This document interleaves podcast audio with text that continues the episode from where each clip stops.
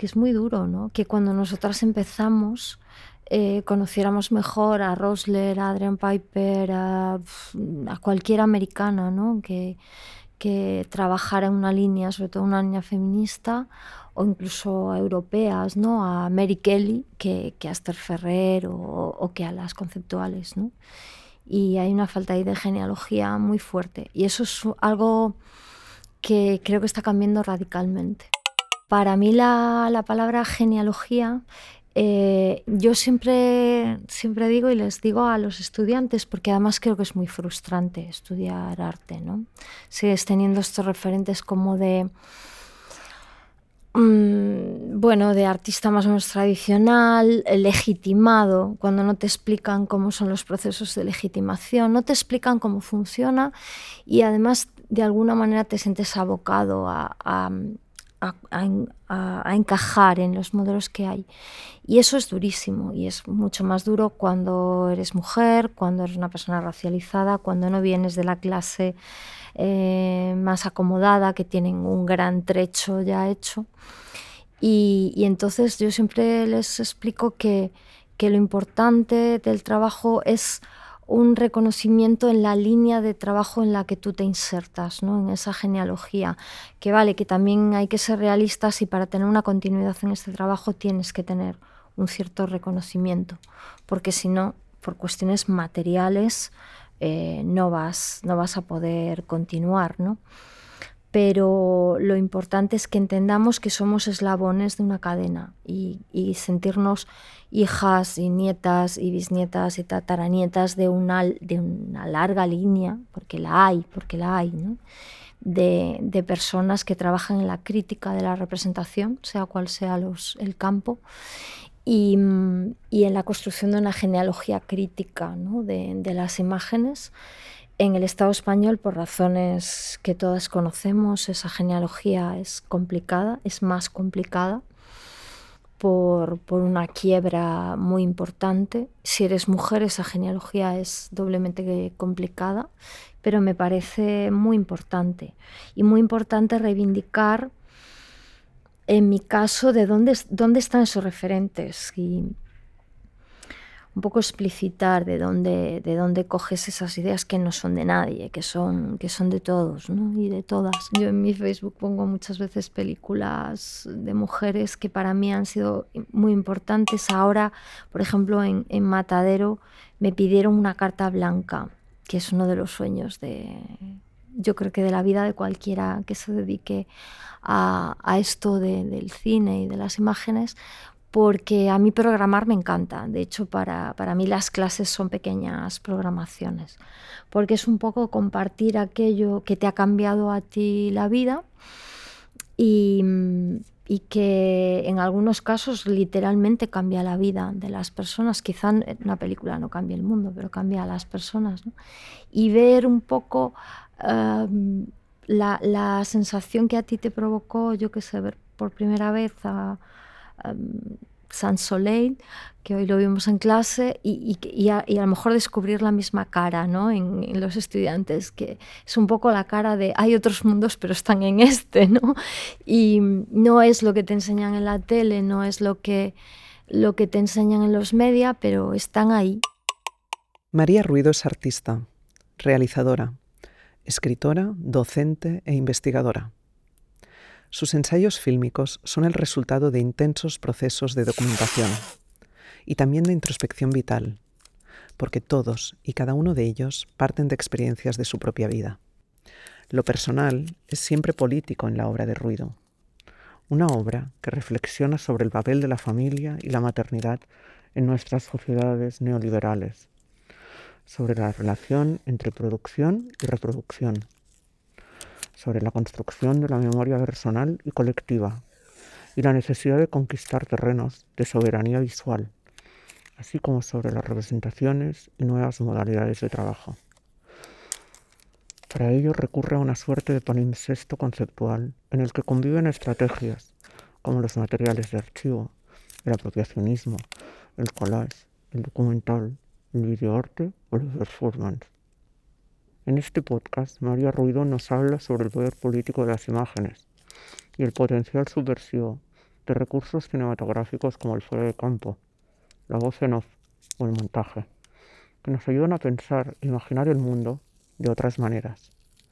Reflexiona también sobre las relaciones siempre contradictorias entre el poder crítico y experimental de la cultura y su institucionalización, y nos introduce en los procesos creativos de piezas como Mater Amatissima, Tiempo Real, Plan Rosewood o la más reciente, Estado de Malestar, donde se analiza la sintomatología social y el sufrimiento psíquico a los que nos aboca el realismo capitalista.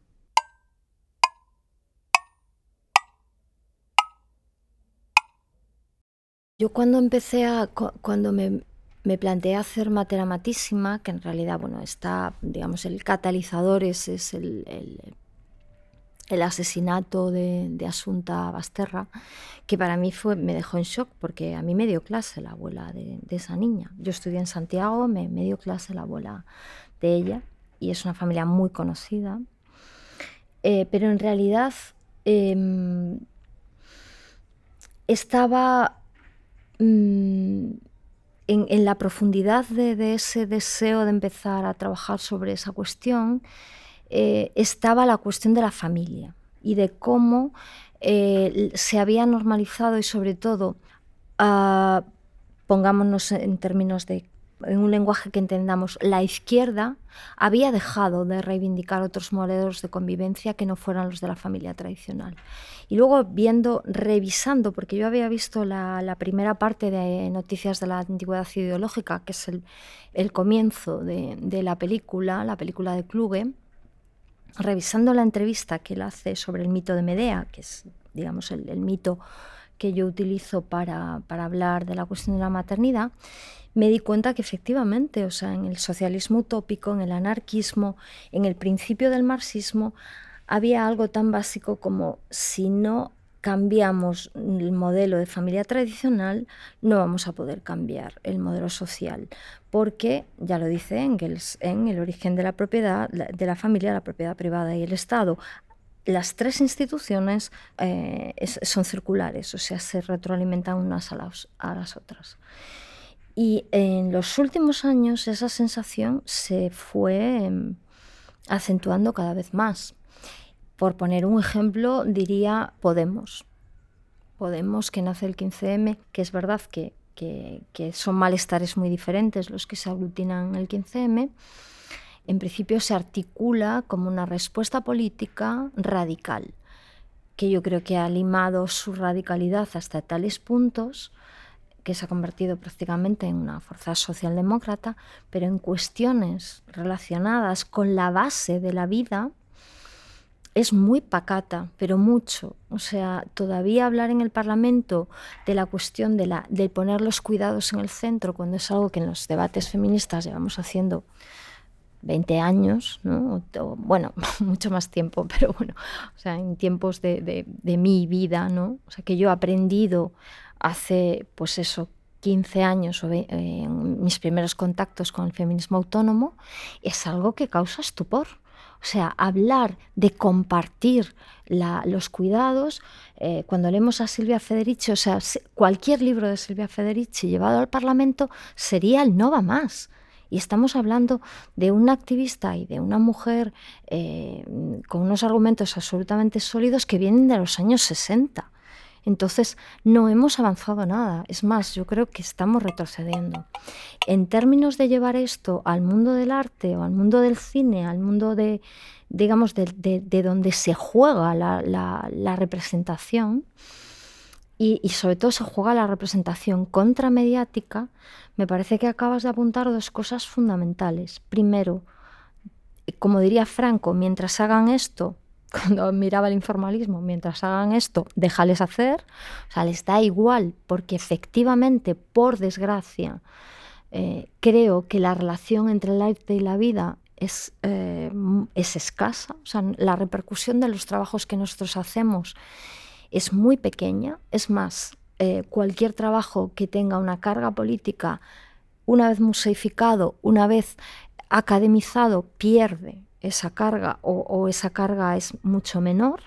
Y otra es la cuestión de la autocensura, que creo que opera como un grado máximo de censura. Es, la censura bionecropolítica.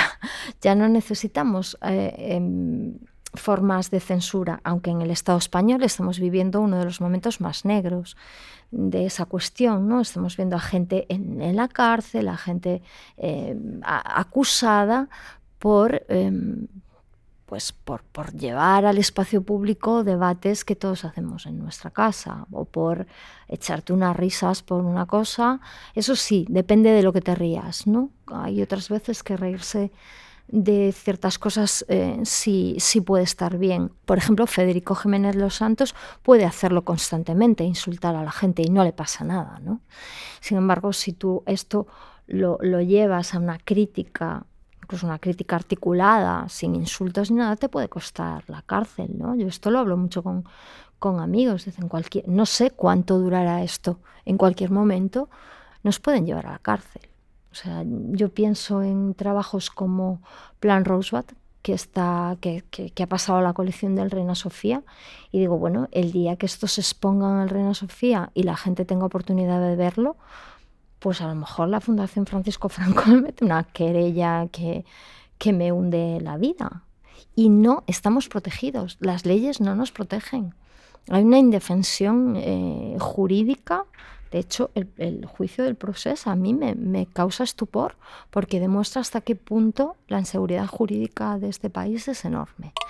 Entonces, por una parte, yo creo que echo mucho de menos la figura del artista, del intelectual comprometido.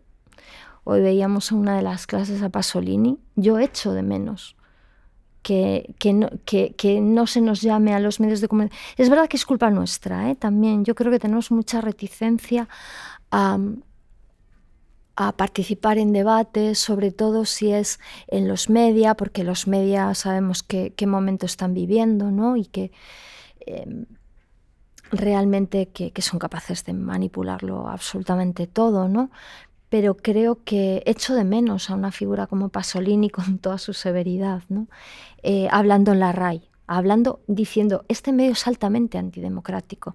No, pero usted puede decir lo que quiera, que es una constante de los medios. Y Pasolini le conté, cualquier cosa que diga en la televisión tiene una jerarquía respecto al pensamiento o a, la, o a la palabra de otra persona enorme. Es un medio altamente antidemocrático.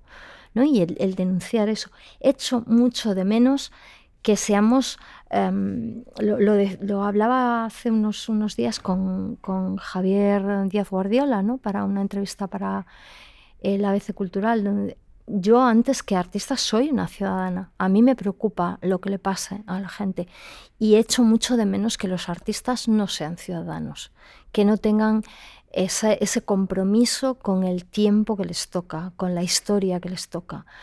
Y luego, por otra parte, claro, entiendo la, autocensura porque, porque te va la vida en ello. Y entonces no estamos como para como, para que nos, eh, no sé, a, mí me echan de la universidad, por ejemplo, me, me, me hunden la vida, o sea, no, no puedo continuar trabajando, o, o, que te encierren durante X tiempo, aunque luego eso quede en nada, ¿no? O que te pongan una demanda y te pidan, no sé, 20.000 euros, ¿no? Entonces, entiendo la autocensura, pero también creo que hay que que hay que hacer, que hay que responder de alguna manera al momento en el que estamos viviendo.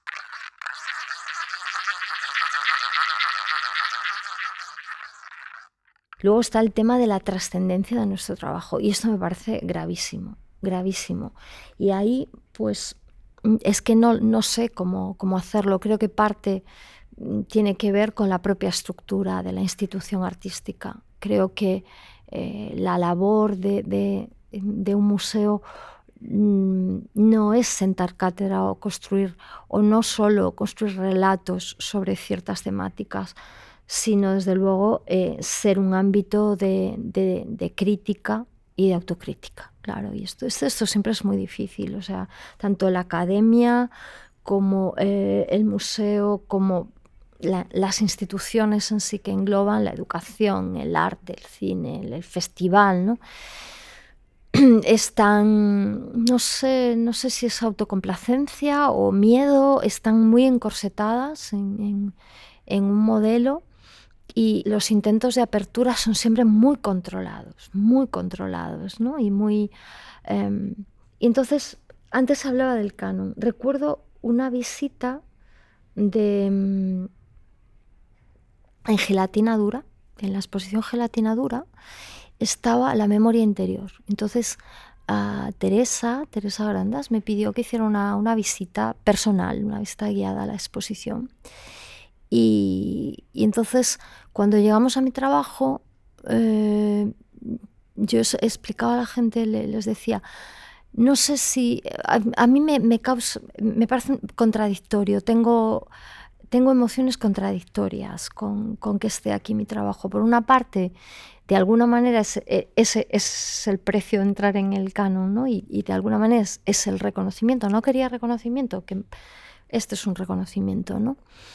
Eh, pero por otra parte, eh, claro, si está ahí, eh, el, potencial político de ese trabajo está muy mermado, porque está encajonado en un sitio donde la mayor parte de la gente no va a entrar siquiera, porque esa es otra, o sea, algo estamos haciendo profundamente mal cuando la gente tiene miedo a entrar en el, en el museo, ¿no? Que, es, es, como una nueva catedral, una cosa así, tiene una cosa como de de ámbito en el que tú te sientes fuera. Y yo lo entiendo perfectamente. Yo tengo un texto que si habéis bajado, uno de los primeros textos que escribí, que se llama Mamá quiero ser artista, donde yo cuento que cuando iba a las inauguraciones antes pensaba que iba a venir un guardia de seguridad y me iba, me iba a sacar. Porque yo me daba cuenta que estaba en un ámbito que no era el que me correspondía por clase, sobre todo, ni por clase ni por género, me correspondía estar ahí. ¿no? Y esa, ese sentirse incómodo creo que es algo que, que, se percibe. Entonces, por una parte, qué bien, ¿no? Porque Claro, alguien que viene pues, de, una familia de clase trabajadora y que la historia de su familia interpela a tanta gente, que por otra parte, como decía ayer, bueno, por algo será que ni el cine español ni el arte español hablan de la inmigración propia, porque ninguno de los que se dedican, prácticamente nadie de la gente que se dedica al mundo del arte y al mundo del cine, tiene padres migrantes, porque vienen de otros lugares. Es una cuestión de clase muy fuerte, ¿no? Yo he trabajado también mucho sobre las propias condiciones de trabajo de los de los y las trabajadoras de la producción cultural, que suelen ser de una precariedad escandalosa, porque este es un trabajo para ricos, para ricas, como la universidad, como eh, la ciencia.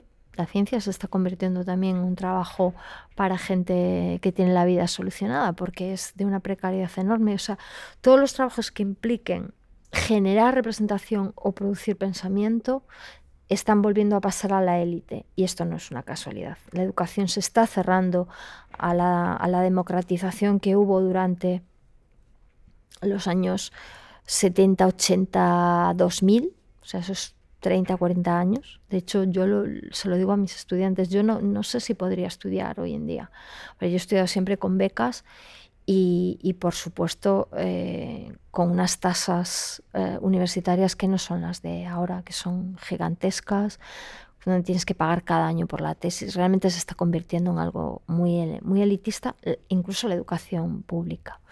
Pues es un poco, salvando las distancias, lo que le pasa a algunos amigos de Podemos cuando estaban en el Parlamento, ¿no? Y me contaban, bueno, está muy bien, pero claro, llegas aquí y las reglas ya están escritas. Y, y tú lo único que, puedes hacer es acomodarte a ellas. Y para cambiar una silla de lugar, pues tienes que, seguir un montón de normas que aquí todo el mundo parece conocer y tú no conoces. Entonces tienes las normas no escritas, las reglas no escritas son las peores.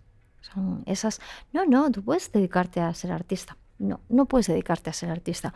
Porque ser artista implica una cantidad de tiempo y recursos materiales y una legitimación que te permite esa continuidad que prácticamente nadie, que no tenga, digamos, un lugar de salida eh, con una cierta ventaja puede dedicarse.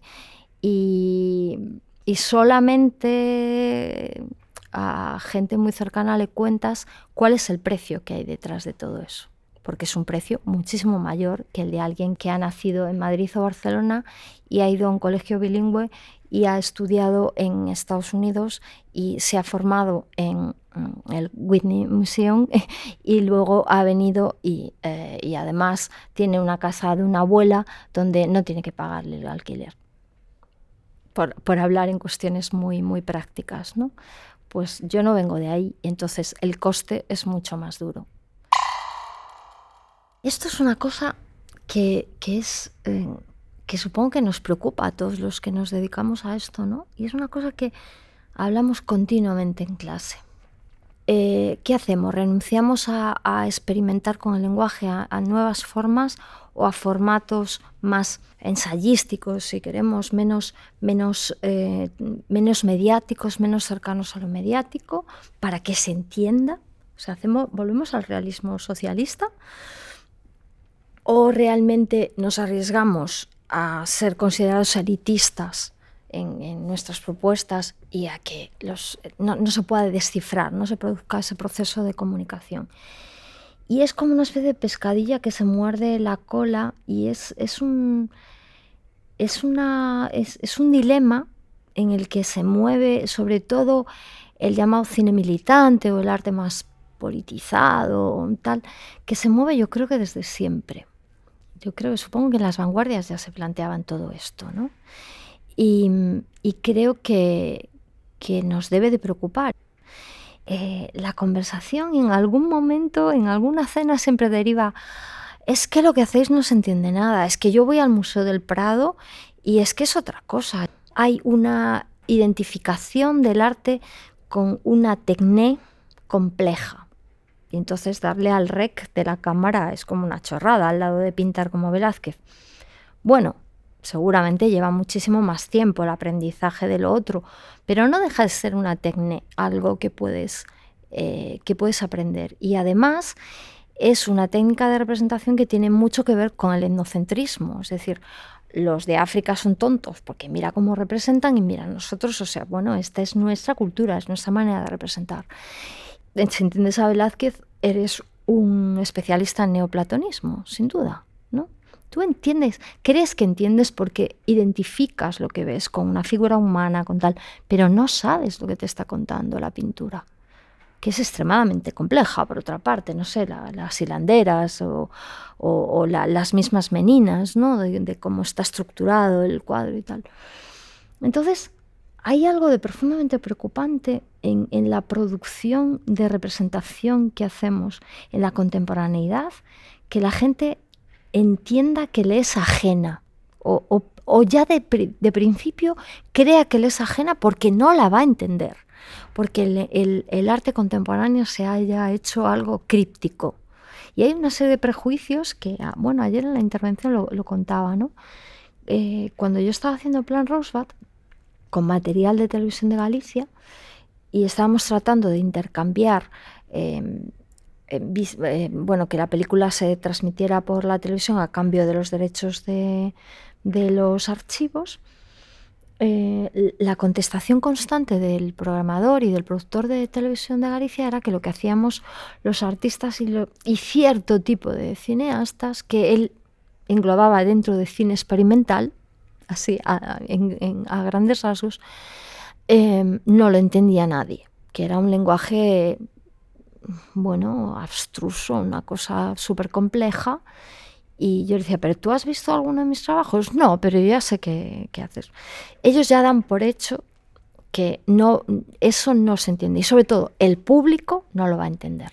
Hay una visión paternalista del público como una masa informe, em, no educada, en las secretas claves de la, representación. Cuando es una cosa muy absurda, vivimos en, sociedades dominadas por la imagen muchísimo más que en la Edad Media y sin embargo los códigos allí eran mucho más cercanos.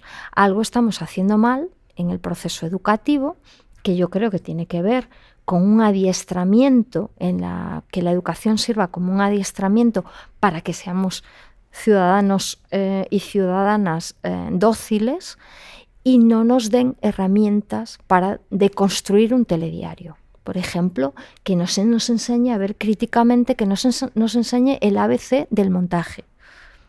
que una imagen detrás de otra no significa que eh, lo mismo que una imagen separada. ¿no? no es algo difícil, cualquiera lo puede, lo puede entender. La cuestión es que tienes que, que tienes que, que, mostrar las herramientas que utilizas. Y eso es algo que los artistas no hacen generalmente. Eh, porque se entiende también, y yo creo que el arte contemporáneo privilegia eso, el producto eh, bonito, el producto bien elaborado, el producto donde no hay fisuras, ¿no? Y si es mm, espectacular y además eh, está, no sé, lacado y, mm, perfecto, ¿no? Muchísimo mejor. Y, contribuye al espectáculo. Lo que estás haciendo con eso es contribuir al arte como, y al, cine como, como espectáculo. ¿no? Y no, no se valora, es más, alguna vez incluso se, a mí me lo han dicho, ¿no? Es que está mal acabado, es que se ve no sé cuánto. Es que yo quiero que se vea. Es que quiero que sea un Frankenstein, es que quiero que se vean las costuras, porque eso es lo que da pie a que tú puedas desmontar, deshilar las imágenes. ¿no? Y, creo que hay una labor pedagógica que hacer con, con, nuestras, con nuestros imaginarios.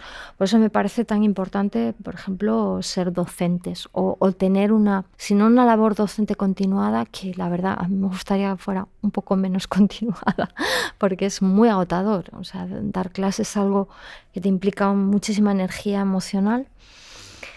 Em, sí que de alguna manera los artistas eh, y los cineastas tuvieran una posición eh, más eh, educativa, sin ser paternalista, ¿no?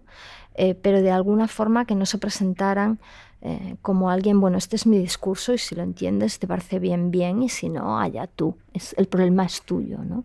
Porque no se produce un acto de comunicación básico que yo creo que tiene que producirse ahí. para eso, creo que una de las claves es terminar de matar al artista genio terminar de matar a la autoría tradicional. La autoría tradicional es algo que es que a ti te sale de dentro y, no lo puedes reprimir casi, entonces como es así, el mundo entero pues tiene que estar a tus pies, ¿no? Si te lo reconocen ya, entonces es como que tú ya pues tienes carta blanca para hacer lo que quieras, ¿no? De alguna manera. Y eso no es así. Yo creo que hay una responsabilidad en todo lo que hacemos y esa responsabilidad no caduca nunca. O sea, es. Em, tú tienes que, responder por esas imágenes. En el mejor de los casos, lo, decía el sábado en la presentación, en, el estreno de, Estado de Malestar, que yo creo que, es, que le va a pasar, que a, las películas a veces le, le, pasa que tienen una vida propia y que ya esa responsabilidad eh, es casi como que como que fluye ¿no? y que, la gente se apropia de ellas y sirven como una herramienta, como una herramienta de debate, como una herramienta política. Y creo que pasa pocas veces y cuando pasa es increíble, pero pase o no pase eso y, sea acogida por los demás y sea como interpretada como una herramienta útil, eh, creo que esa, esa labor de, no de explicar y no de rebajar el nivel, bueno, a ver, te lo voy a explicar, que es muy difícil, no, sino de dar las claves de, de, bueno, de, yo creo que hay cuatro o cinco herramientas del lenguaje cinematográfico que son altamente políticas si, si te lo sabes utilizar. Eh, el montaje, desde luego, el fuera de campo, el tiempo real, eh, bueno, unas cuantas claves la profundidad de campo, ¿no? Que, no son tan complicadas. O sea, explicarle a alguien, bueno, la voz que estás oyendo está fuera de campo porque quiero que sea así y porque eso eh, lo que hace es desligar esa imagen de esa voz y así eh, tú te, fijas en lo que dice y tal. No creo que sea tan complejo, la verdad. Yo hice tiempo real en el 2003 aquí para la sala Moncada que hablaba de, bueno, del trabajo de las mujeres y donde, por cierto, es un desmontaje de Jane Dillman, que es una de las películas que están en la Carta Blanca y para mí una película de estas que te cambian la vida totalmente, ¿no? Y, y, Tiempo Real era, era una especie de, sí, como de repaso de algunas estas estrategias de, lo que se quedaba fuera de campo, de, de lo que no salía. De hecho, la historia casi nunca está en plano, está fuera de plano, ¿no? Em, y, justo ese, o del contracampo, ¿no? De que lo que estás viendo se me está escuchando a mí, no sé si os escuchará a vosotras, pero hay un contracampo, ¿no?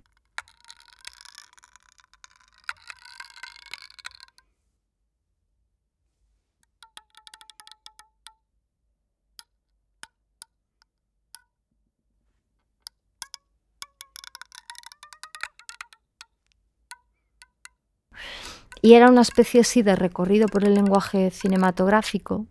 Y bueno, se llamaba tiempo real porque el tiempo real es la estrategia básica en Jane Dillman, ¿no? el, plano secuencia, la duración. Y, me parece que esa insoportabilidad del tiempo real en escena, por ejemplo, es algo que, que, esa película fuerza muy bien, fuerza hasta llegar al malestar de que la gente se vaya, que es lo que suele hacer la gente en esa película y que es, una, es un tipo de reacción em, que muchas veces está, está buscada y que me parece, me parece muy, muy interesante. Yo siempre pienso que, bueno, ahora lo, pienso, lo que pasa que, que, me, me, duele también mucho y cuando salgo, porque he salido llorando de algunas presentaciones de Matera Matísima, claro, pues no me hace gracia, ¿no? Salir llorando y pensar que es un, por un momento pienso que es una especie de monstruo y que, no, no me gusta esa sensación, pero también pienso que la incomodidad que provoca es, es algo que está buscado por la película, es una película altamente incómoda. Uh, y que, que, esa sensación es la que llevará a que sea una película que con el tiempo siga siendo visible ¿no? y que no, que no caduque. Son estrategias que yo creo que son altamente eficaces todavía. Yo diría que hay, eh, que hay varias fases en mi trabajo. Efectivamente, eh, ayer me, una de las preguntas eh, fue un poco esta, ¿no? ¿Dónde te sitúas tú? En, porque hay, ¿qué, ¿qué, distancia hay entre, entre tú y la historia? ¿no? Y digo, ninguna distancia, no hay ninguna distancia. Eh, para mí eso de lo personal es político, es, eh, es una religión. Yo siempre estoy en mi trabajo, siempre, porque tampoco concibo hablar de algo em, que no conozca de primera mano o que no haya... Yo me he ido a vivir al norte de África, por ejemplo, cuando me fascinaba lo que podía pasar con la Revolución Árabe, otra posibilidad de democracia, una transición que yo no había visto en directo. Así que bueno, me fui a vivir a Túnez vivía entre Túnez y Barcelona en aquel momento. Me fui un año a vivir a Marruecos para hablar de colonialismo español. Mm, si no de primera mano, de alguna manera tú tienes que, estar muy atenta o convivir con esas personas que tienen esa experiencia. Y casi siempre o en una gran parte de mis películas yo hablo de mi propia historia. O sea, son cosas que a mí me interpelan directamente. Yo no hice el, el plan Rosebud porque me interesara la memoria histórica o porque fuera historiadora. Yo hice Plan Rosbach porque yo tengo dos abuelos del Partido Comunista que perdieron la guerra. Y la, la historia de mi familia está absolutamente marcada por la guerra civil, porque mi madre es incapaz todavía de hablar de esa época, porque yo he conocido la historia de mi familia a través de mi hermano mayor, que ya murió hace tiempo, de hecho no estaba vivo ya cuando, cuando hice esa película y porque porque es la porque porque yo encarno esa historia, porque yo soy la nieta de los perdedores de la guerra, ¿no? Hago la memoria interior porque mi familia está desestructurada por el proceso migratorio y estructurada al mismo tiempo, ¿no? Por, por esa por la espina dorsal de, de la situación familiar. Eh, hago matera matísima porque era el momento donde yo tenía que acabar diciendo, bueno, voy a ser madre o no lo voy a ser. Y, en ese momento conozco a mi pareja que además tiene dos hijos, con lo cual no soy madre biológica, yo soy una defensora total del antibiologicismo. De hecho, es un libro muy xenofeminista, ¿no? Eh, es, es, un, es, una película muy xenofeminista.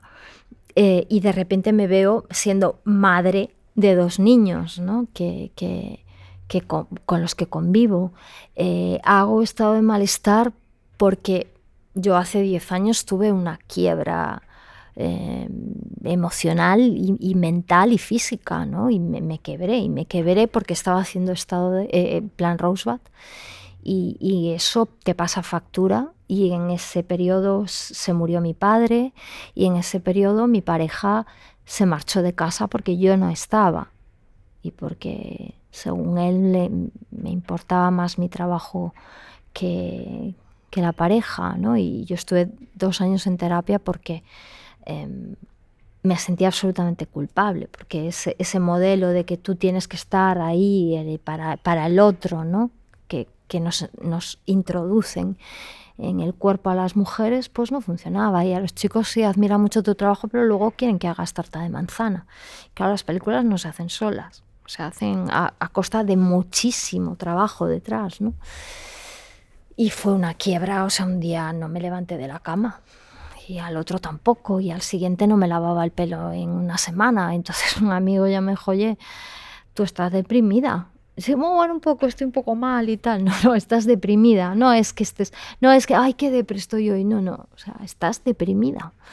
Y, y tienes, que, tienes que pedir ayuda porque no vas a salir de ahí. Y a partir de ahí entré en un momento durísimo de, de mi vida en el que por otra parte acabé Plan Rosebud y hice eh, Electroclass, que es una película que yo adoro, que me, me, me, gusta muchísimo, y me fui a norte de África, pero bueno, fueron muchos años de una oscuridad importante en la que después de salir eh, yo soy capaz de, de, ser muchísimo más empática con el sufrimiento porque yo hasta esa quiebra pensaba que era indestructible. O sea, que tenía la energía de los dioses, que nada me afectaba y que yo era, eh, vamos, que podía con todo, ¿no? Y, y, no es verdad, no podemos con todo, somos seres vulnerables, frágiles, que necesitamos cuidar y ser cuidados.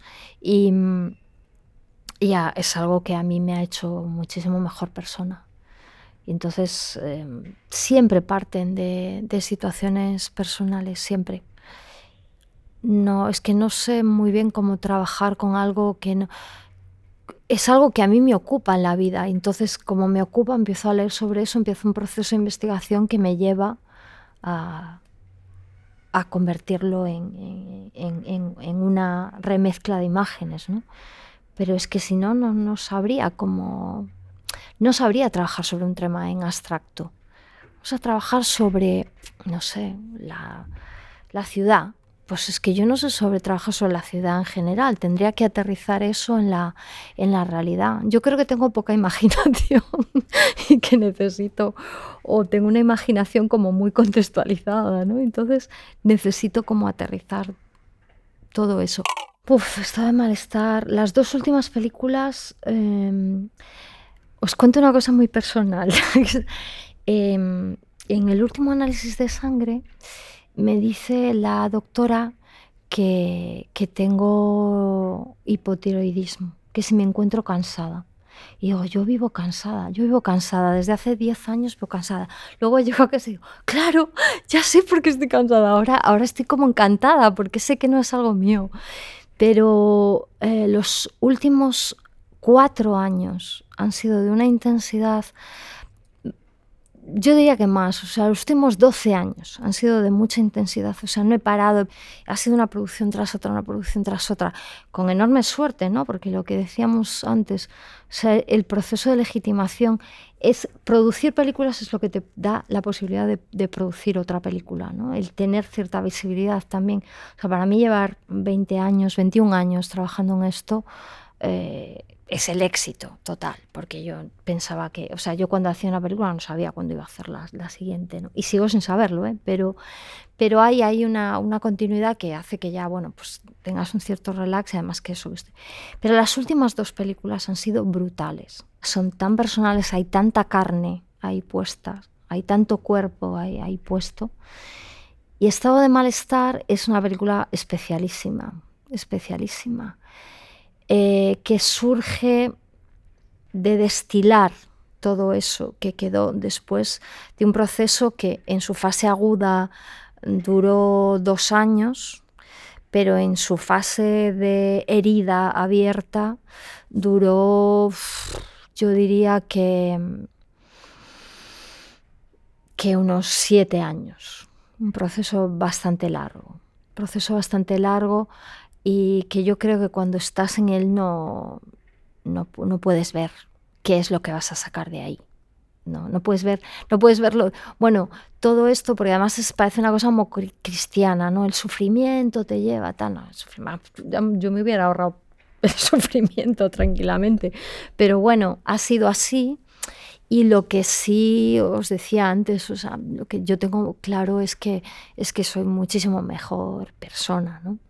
Y muchísimo más sensible, muchísimo más empática con, con el con la fragilidad, con el sufrimiento de las, de las demás personas, mucho más paciente. Yo soy una persona, ahora soy impaciente, pero antes es que era enormemente impaciente. Y también me ha, me ha enseñado, no, estoy aprendiendo a convivir con la diferencia, con que todos los seres humanos, yo creo que esto es una cosa dificilísima para los seres humanos, eh, son diferentes y que las diferencias son múltiples. Entonces, en este proceso, y hace relativamente poco, y tiene que ver con, la primera vez que hablé con Valentín Roma del, proyecto sobre postrabajo, yo estaba leyendo a Mark Fisher, y en concreto eh, Realismo Capitalista, que es un libro, mm, todo el trabajo de Mark Fisher es, me parece impresionante, o sea, tiene una capacidad de decir con una sensibilidad y con hacer una crítica cultural que en realidad es una crítica política eh, brutal. Eh, me pasó con realismo capitalista, me pasó con los fantasmas de mi vida, que lloré a mares leyendo el, libro, cuando habla del resentimiento de clase y todo. Es que la historia de Mark Fisher es muy parecida a la historia de mi vida. Es también de alguien que le ha costado mucho llegar a que es una persona que, siente que no ocupa el lugar que, debería ocupar, que se siente un impostor. Esto de la, el complejo del impostor o de la impostora es algo que yo he hablado con, con varias amigas, sobre todo a las mujeres nos pasa mucho. Estamos en esa inseguridad de que no estamos en el, en el lugar.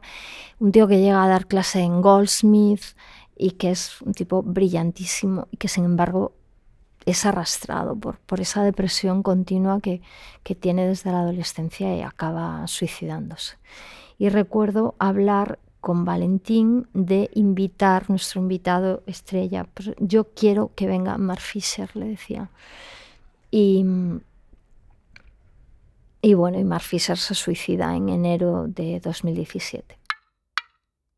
Y, y leo Realismo Capitalista en un viaje a Colombia, un viaje muy, muy largo a Colombia, y me impacta muchísimo. Me impacta muchísimo sobre todo la privatización del estrés, un capítulo de realismo capitalista que involucra el, el, interés que yo tengo por las condiciones de trabajo, por el sistema de vida este loco y además él habla de, en concreto de la universidad la universidad se está convirtiendo en un lugar atroz. Nuestro sustrato franquista y jerárquico, eh, unido a Bolonia y a todo el neoliberalismo, o sea, la empresarialización de la universidad, es una bomba de relojería. Y por supuesto ha dejado de ser un lugar de producción de conocimiento para convertirse en un lugar de, producción, de, de expedición de títulos donde la gente no va a educarse, sino a conseguir un, título, y un lugar de producción de papers que nos machaca a, controles y a... Eh, es eh, realmente... Es un lugar muy duro en este momento. A mí me causa muchísimas contradicciones. Por otra parte, tengo que decir que la docencia es de los... De, yo creo que de lo que hago, lo que inmediatamente tiene resultado o sea, yo doy, una, doy, doy un, seminario, bueno, una asignatura de cuatro meses y puedo decir que de febrero a junio la gente cambia. O sea, a mí, después de clase me han dicho, yo nunca había visto estas cosas, pensé que, que, que eran cosas súper raras que nunca las iba a entender y realmente me has abierto una puerta que no sé a dónde me va a llevar, pero soy otra persona y eso es... Eso es... Eh, no sé si entre demoledor y, brutal, ¿no? Y excitante, ¿no? Por otra parte, o sea, es, tiene unos resultados muy inmediatos. La gente está deseando, primero, que los trates con respeto, que los trates como adultos y que les des materiales, herramientas que ellos puedan utilizar. Estamos en una universidad completamente infantilizada, o sea, donde se trata a los chavales como a, los alumnos como si fueran chavalines de, de primaria. Y, y bueno, y, y, todo eso estaba en el libro, ¿no? multiplicado por, por 10, porque la Universidad Británica es, está mucho peor todavía, ¿no? los controles, la burocratización, todo. Leo realismo capitalista y empiezo a pensar en cómo unificar. De hecho, yo pensaba en hacer un trabajo que, que, hablara de las enfermedades del trabajo. Empiezo a pensar en cómo el trabajo nos enferma y en cómo el trabajo nos lleva a unos límites de agotamiento y de, estrés y de ansiedad. O sea, empiezo a hablar con amigos de, cómo estamos, ¿no? Todos estamos enfermos, ¿no? Estamos estresados, estamos angustiados, estamos deprimidos. Los que tenemos trabajo tenemos demasiado trabajo, con unos salarios ridículos, trabajamos muchísimo también porque eh, el ritmo de, o sea, hay que sostener una, una vida carísima para la que estamos siempre pagando cosas, los que no tienen trabajo están angustiados porque no tienen trabajo, los chavales están angustiados porque su horizonte es... se están vencidos de antemano. A mí me da muchísima pena, me da mucha angustia. Eh, hay las dos vertientes, ¿no? el cinismo y, el, alguien de 20 años que está ya vencido de antemano. Es, eh, empiezas a hablar y te das cuenta del malestar en el que vivimos. Entonces empiezo a ver, empiezo a pensar en un estado que es lo contrario al estado de bienestar, primero en ese sentido, el estado de malestar, y empiezo a, a, elucubrar un trabajo que vaya sobre eso, sobre las enfermedades el malestar que provoca el trabajo y el sistema neoliberal. Me voy en... Em, en enero de diciembre de 2017, enero de 2018, este tema está en el aire está ahí. Eh, me voy a un curso en nociones comunes en traficantes de sueños que, se llama En tu interior. De hecho, ahora se va a hacer la segunda parte, llenísimo de gente, estaba a tope de gente que trata sobre cómo nuestra vida está psiquiatrizada, está, no me sale la, palabra ahora, eh, bueno, está convertida en una enfermedad. Todos nuestros comportamientos se, se patologizan, ¿no?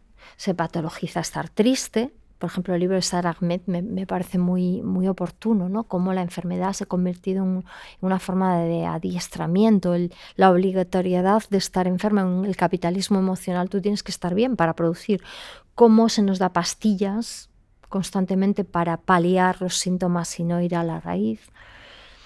Y, y bueno, hay una serie de psiquiatras y de gente que pasa por allí. Entre ellas, un eh, colectivo de, que, de grupos de ayuda mutua, los GAM, que se llama Flipas en Madrid, que está activamente, y bueno, otros grupos. De hecho, activamente es anterior. Y los conozco y me, me parecen flipantes, valga la redundancia. Y entonces, bueno, me acerco a ellos y le digo, oye, ¿cómo puedo contactar con vosotros? Y bueno, pues vente a una asamblea, pues tal. Y entonces encuentro a un grupo de gente que está diagnosticada en salud mental, o sea, está patologizada socialmente, pero con un discurso brutal, o sea, un discurso político clarísimo eh, que da, yo creo, en el, en, en el centro del activismo en este momento, que es que tanto estar mal porque tengas un desahucio, porque tengas problemas de vivienda, como tengas problemas de trabajo, problemas de género, problemas porque la pensión no te llega al salario, todo está atravesado por el malestar. Y ese malestar conduce a un desequilibrio eh, emocional y en algunos casos a la enfermedad mental. Y sobre todo con una medicina que nos patologiza constantemente todos los comportamientos. Y están preparando el orgullo loco el primer año del Orgullo Loco en, Madrid. Así que yo me, me, voy a las reuniones, algunas pues bastante surrealistas. Intento un primer grupo digo, bueno, yo estoy haciendo esto, ¿qué os parecería si hacemos una entrevista y me contáis un poco lo del Orgullo Loco? El Orgullo Loco era el 20 de mayo y yo empiezo a trabajar con ellos como en marzo, hace más o menos un año, después de estar como más de un año haciendo como la, preproducción del trabajo. A todo esto, cuando yo estoy haciendo el trabajo con Valentín, eh, la Loop y, Santa Mónica, bueno, la salsa de producción, eh, hacen un premio restringido que invitan a tres proyectos a participar y yo digo, bueno, pues esto es lo que me interesa en este momento, pero no me lo van a dar porque, bueno, a ver, el videoarte va como por otro lado, ¿no?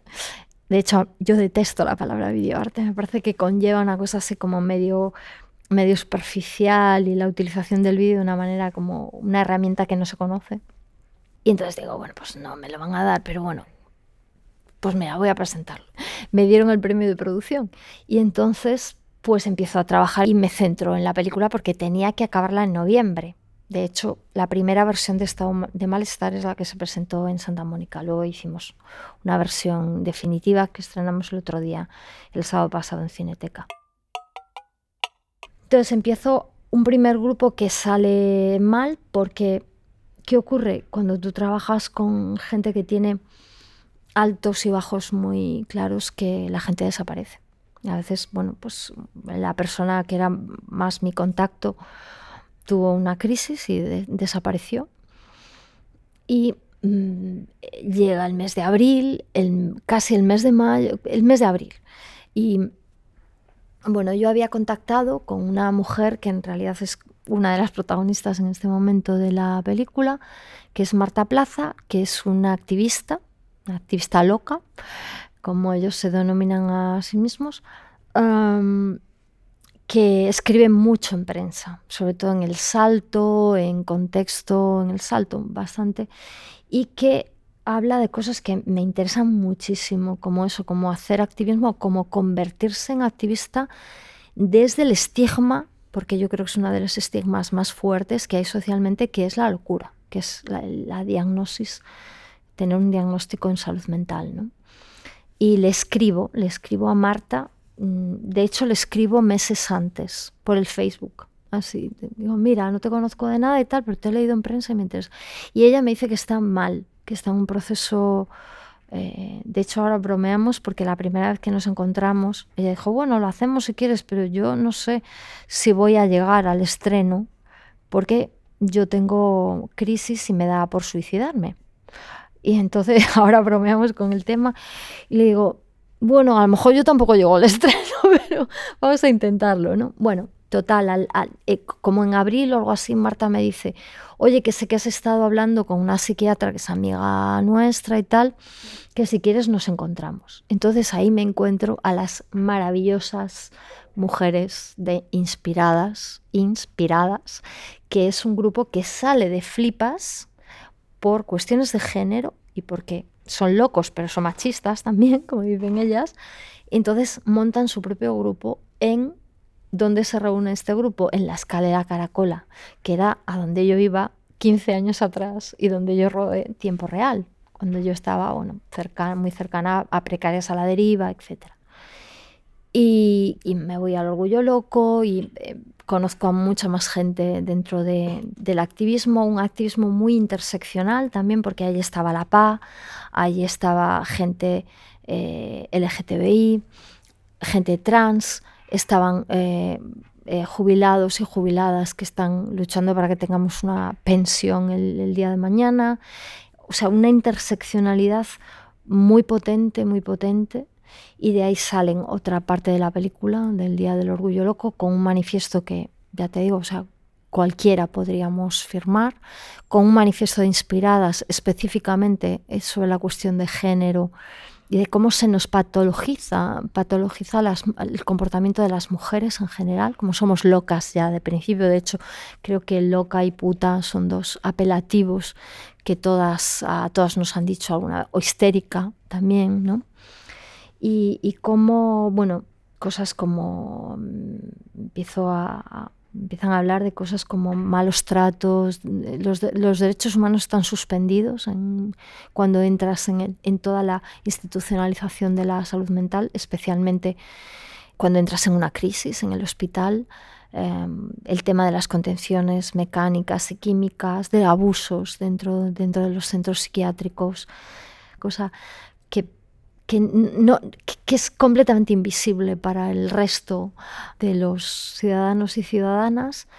Y, y bueno, al mismo tiempo hago una labor paralela, un trabajo paralelo eh, con Guillermo Rendueles, que es uno de los psiquiatras, de los pocos psiquiatras no biologicistas del Estado español, que además eh, ha bebido de la antipsiquiatría en los años 70 con una relación bastante directa con Franco Basaglia, etc. Eh, y que además trabaja mucho sobre las condiciones de trabajo y la relación del trabajo con la salud mental, y con Santiago López Petit. Santiago López Petit y, todo el tema de la fibromialgia y las enfermedades de síndrome de sensibilización central, Clara Valverde y Santiago, que están muy ahí. En, paralelo, eh, conozco a Alfredo Aracil, que es un, ahora mismo está viviendo en Buenos Aires y que trabaja sobre la antipsiquiatría en España y sobre lo que fue la reforma psiquiátrica del 82.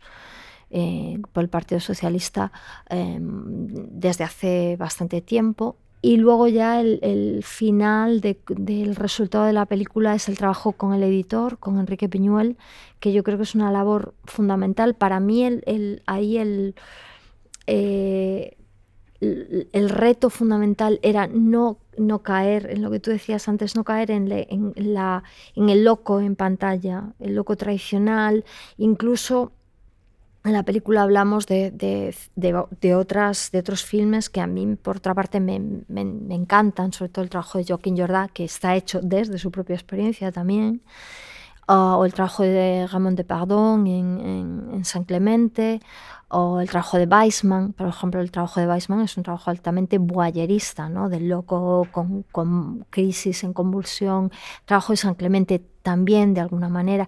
Yo no quería eso, yo quería no hablar de el otro, el loco, la alteridad, sino de la falta de distancia que hay, que todos y todas podemos estar ahí, todas y todas podemos estar patologizados en algún momento, podemos pasar la otra línea, de hecho es facilísimo pasar la otra línea y en algunos casos quedarte del otro lado y, y cómo realmente nuestro equilibrio emocional está en peligro en este sistema, o sea, estamos viviendo una vida no humana, estamos viviendo en un sistema que es capaz de aniquilarnos para que sigamos produciendo. Y esto tenemos que ponerle freno.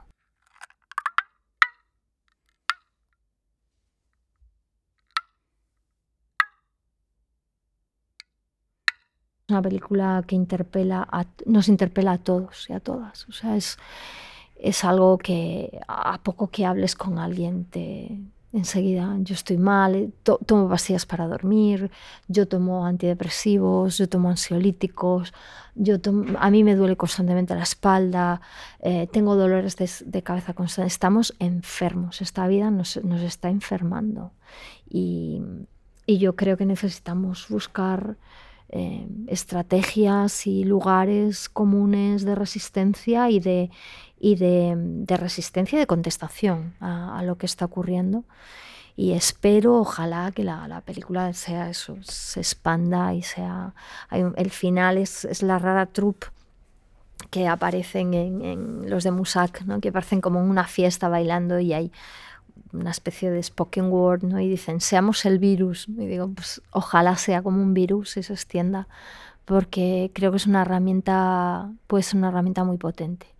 Y eso para mí es lo mejor que le puede pasar a, a un proyecto artístico, a una película. Lo mejor.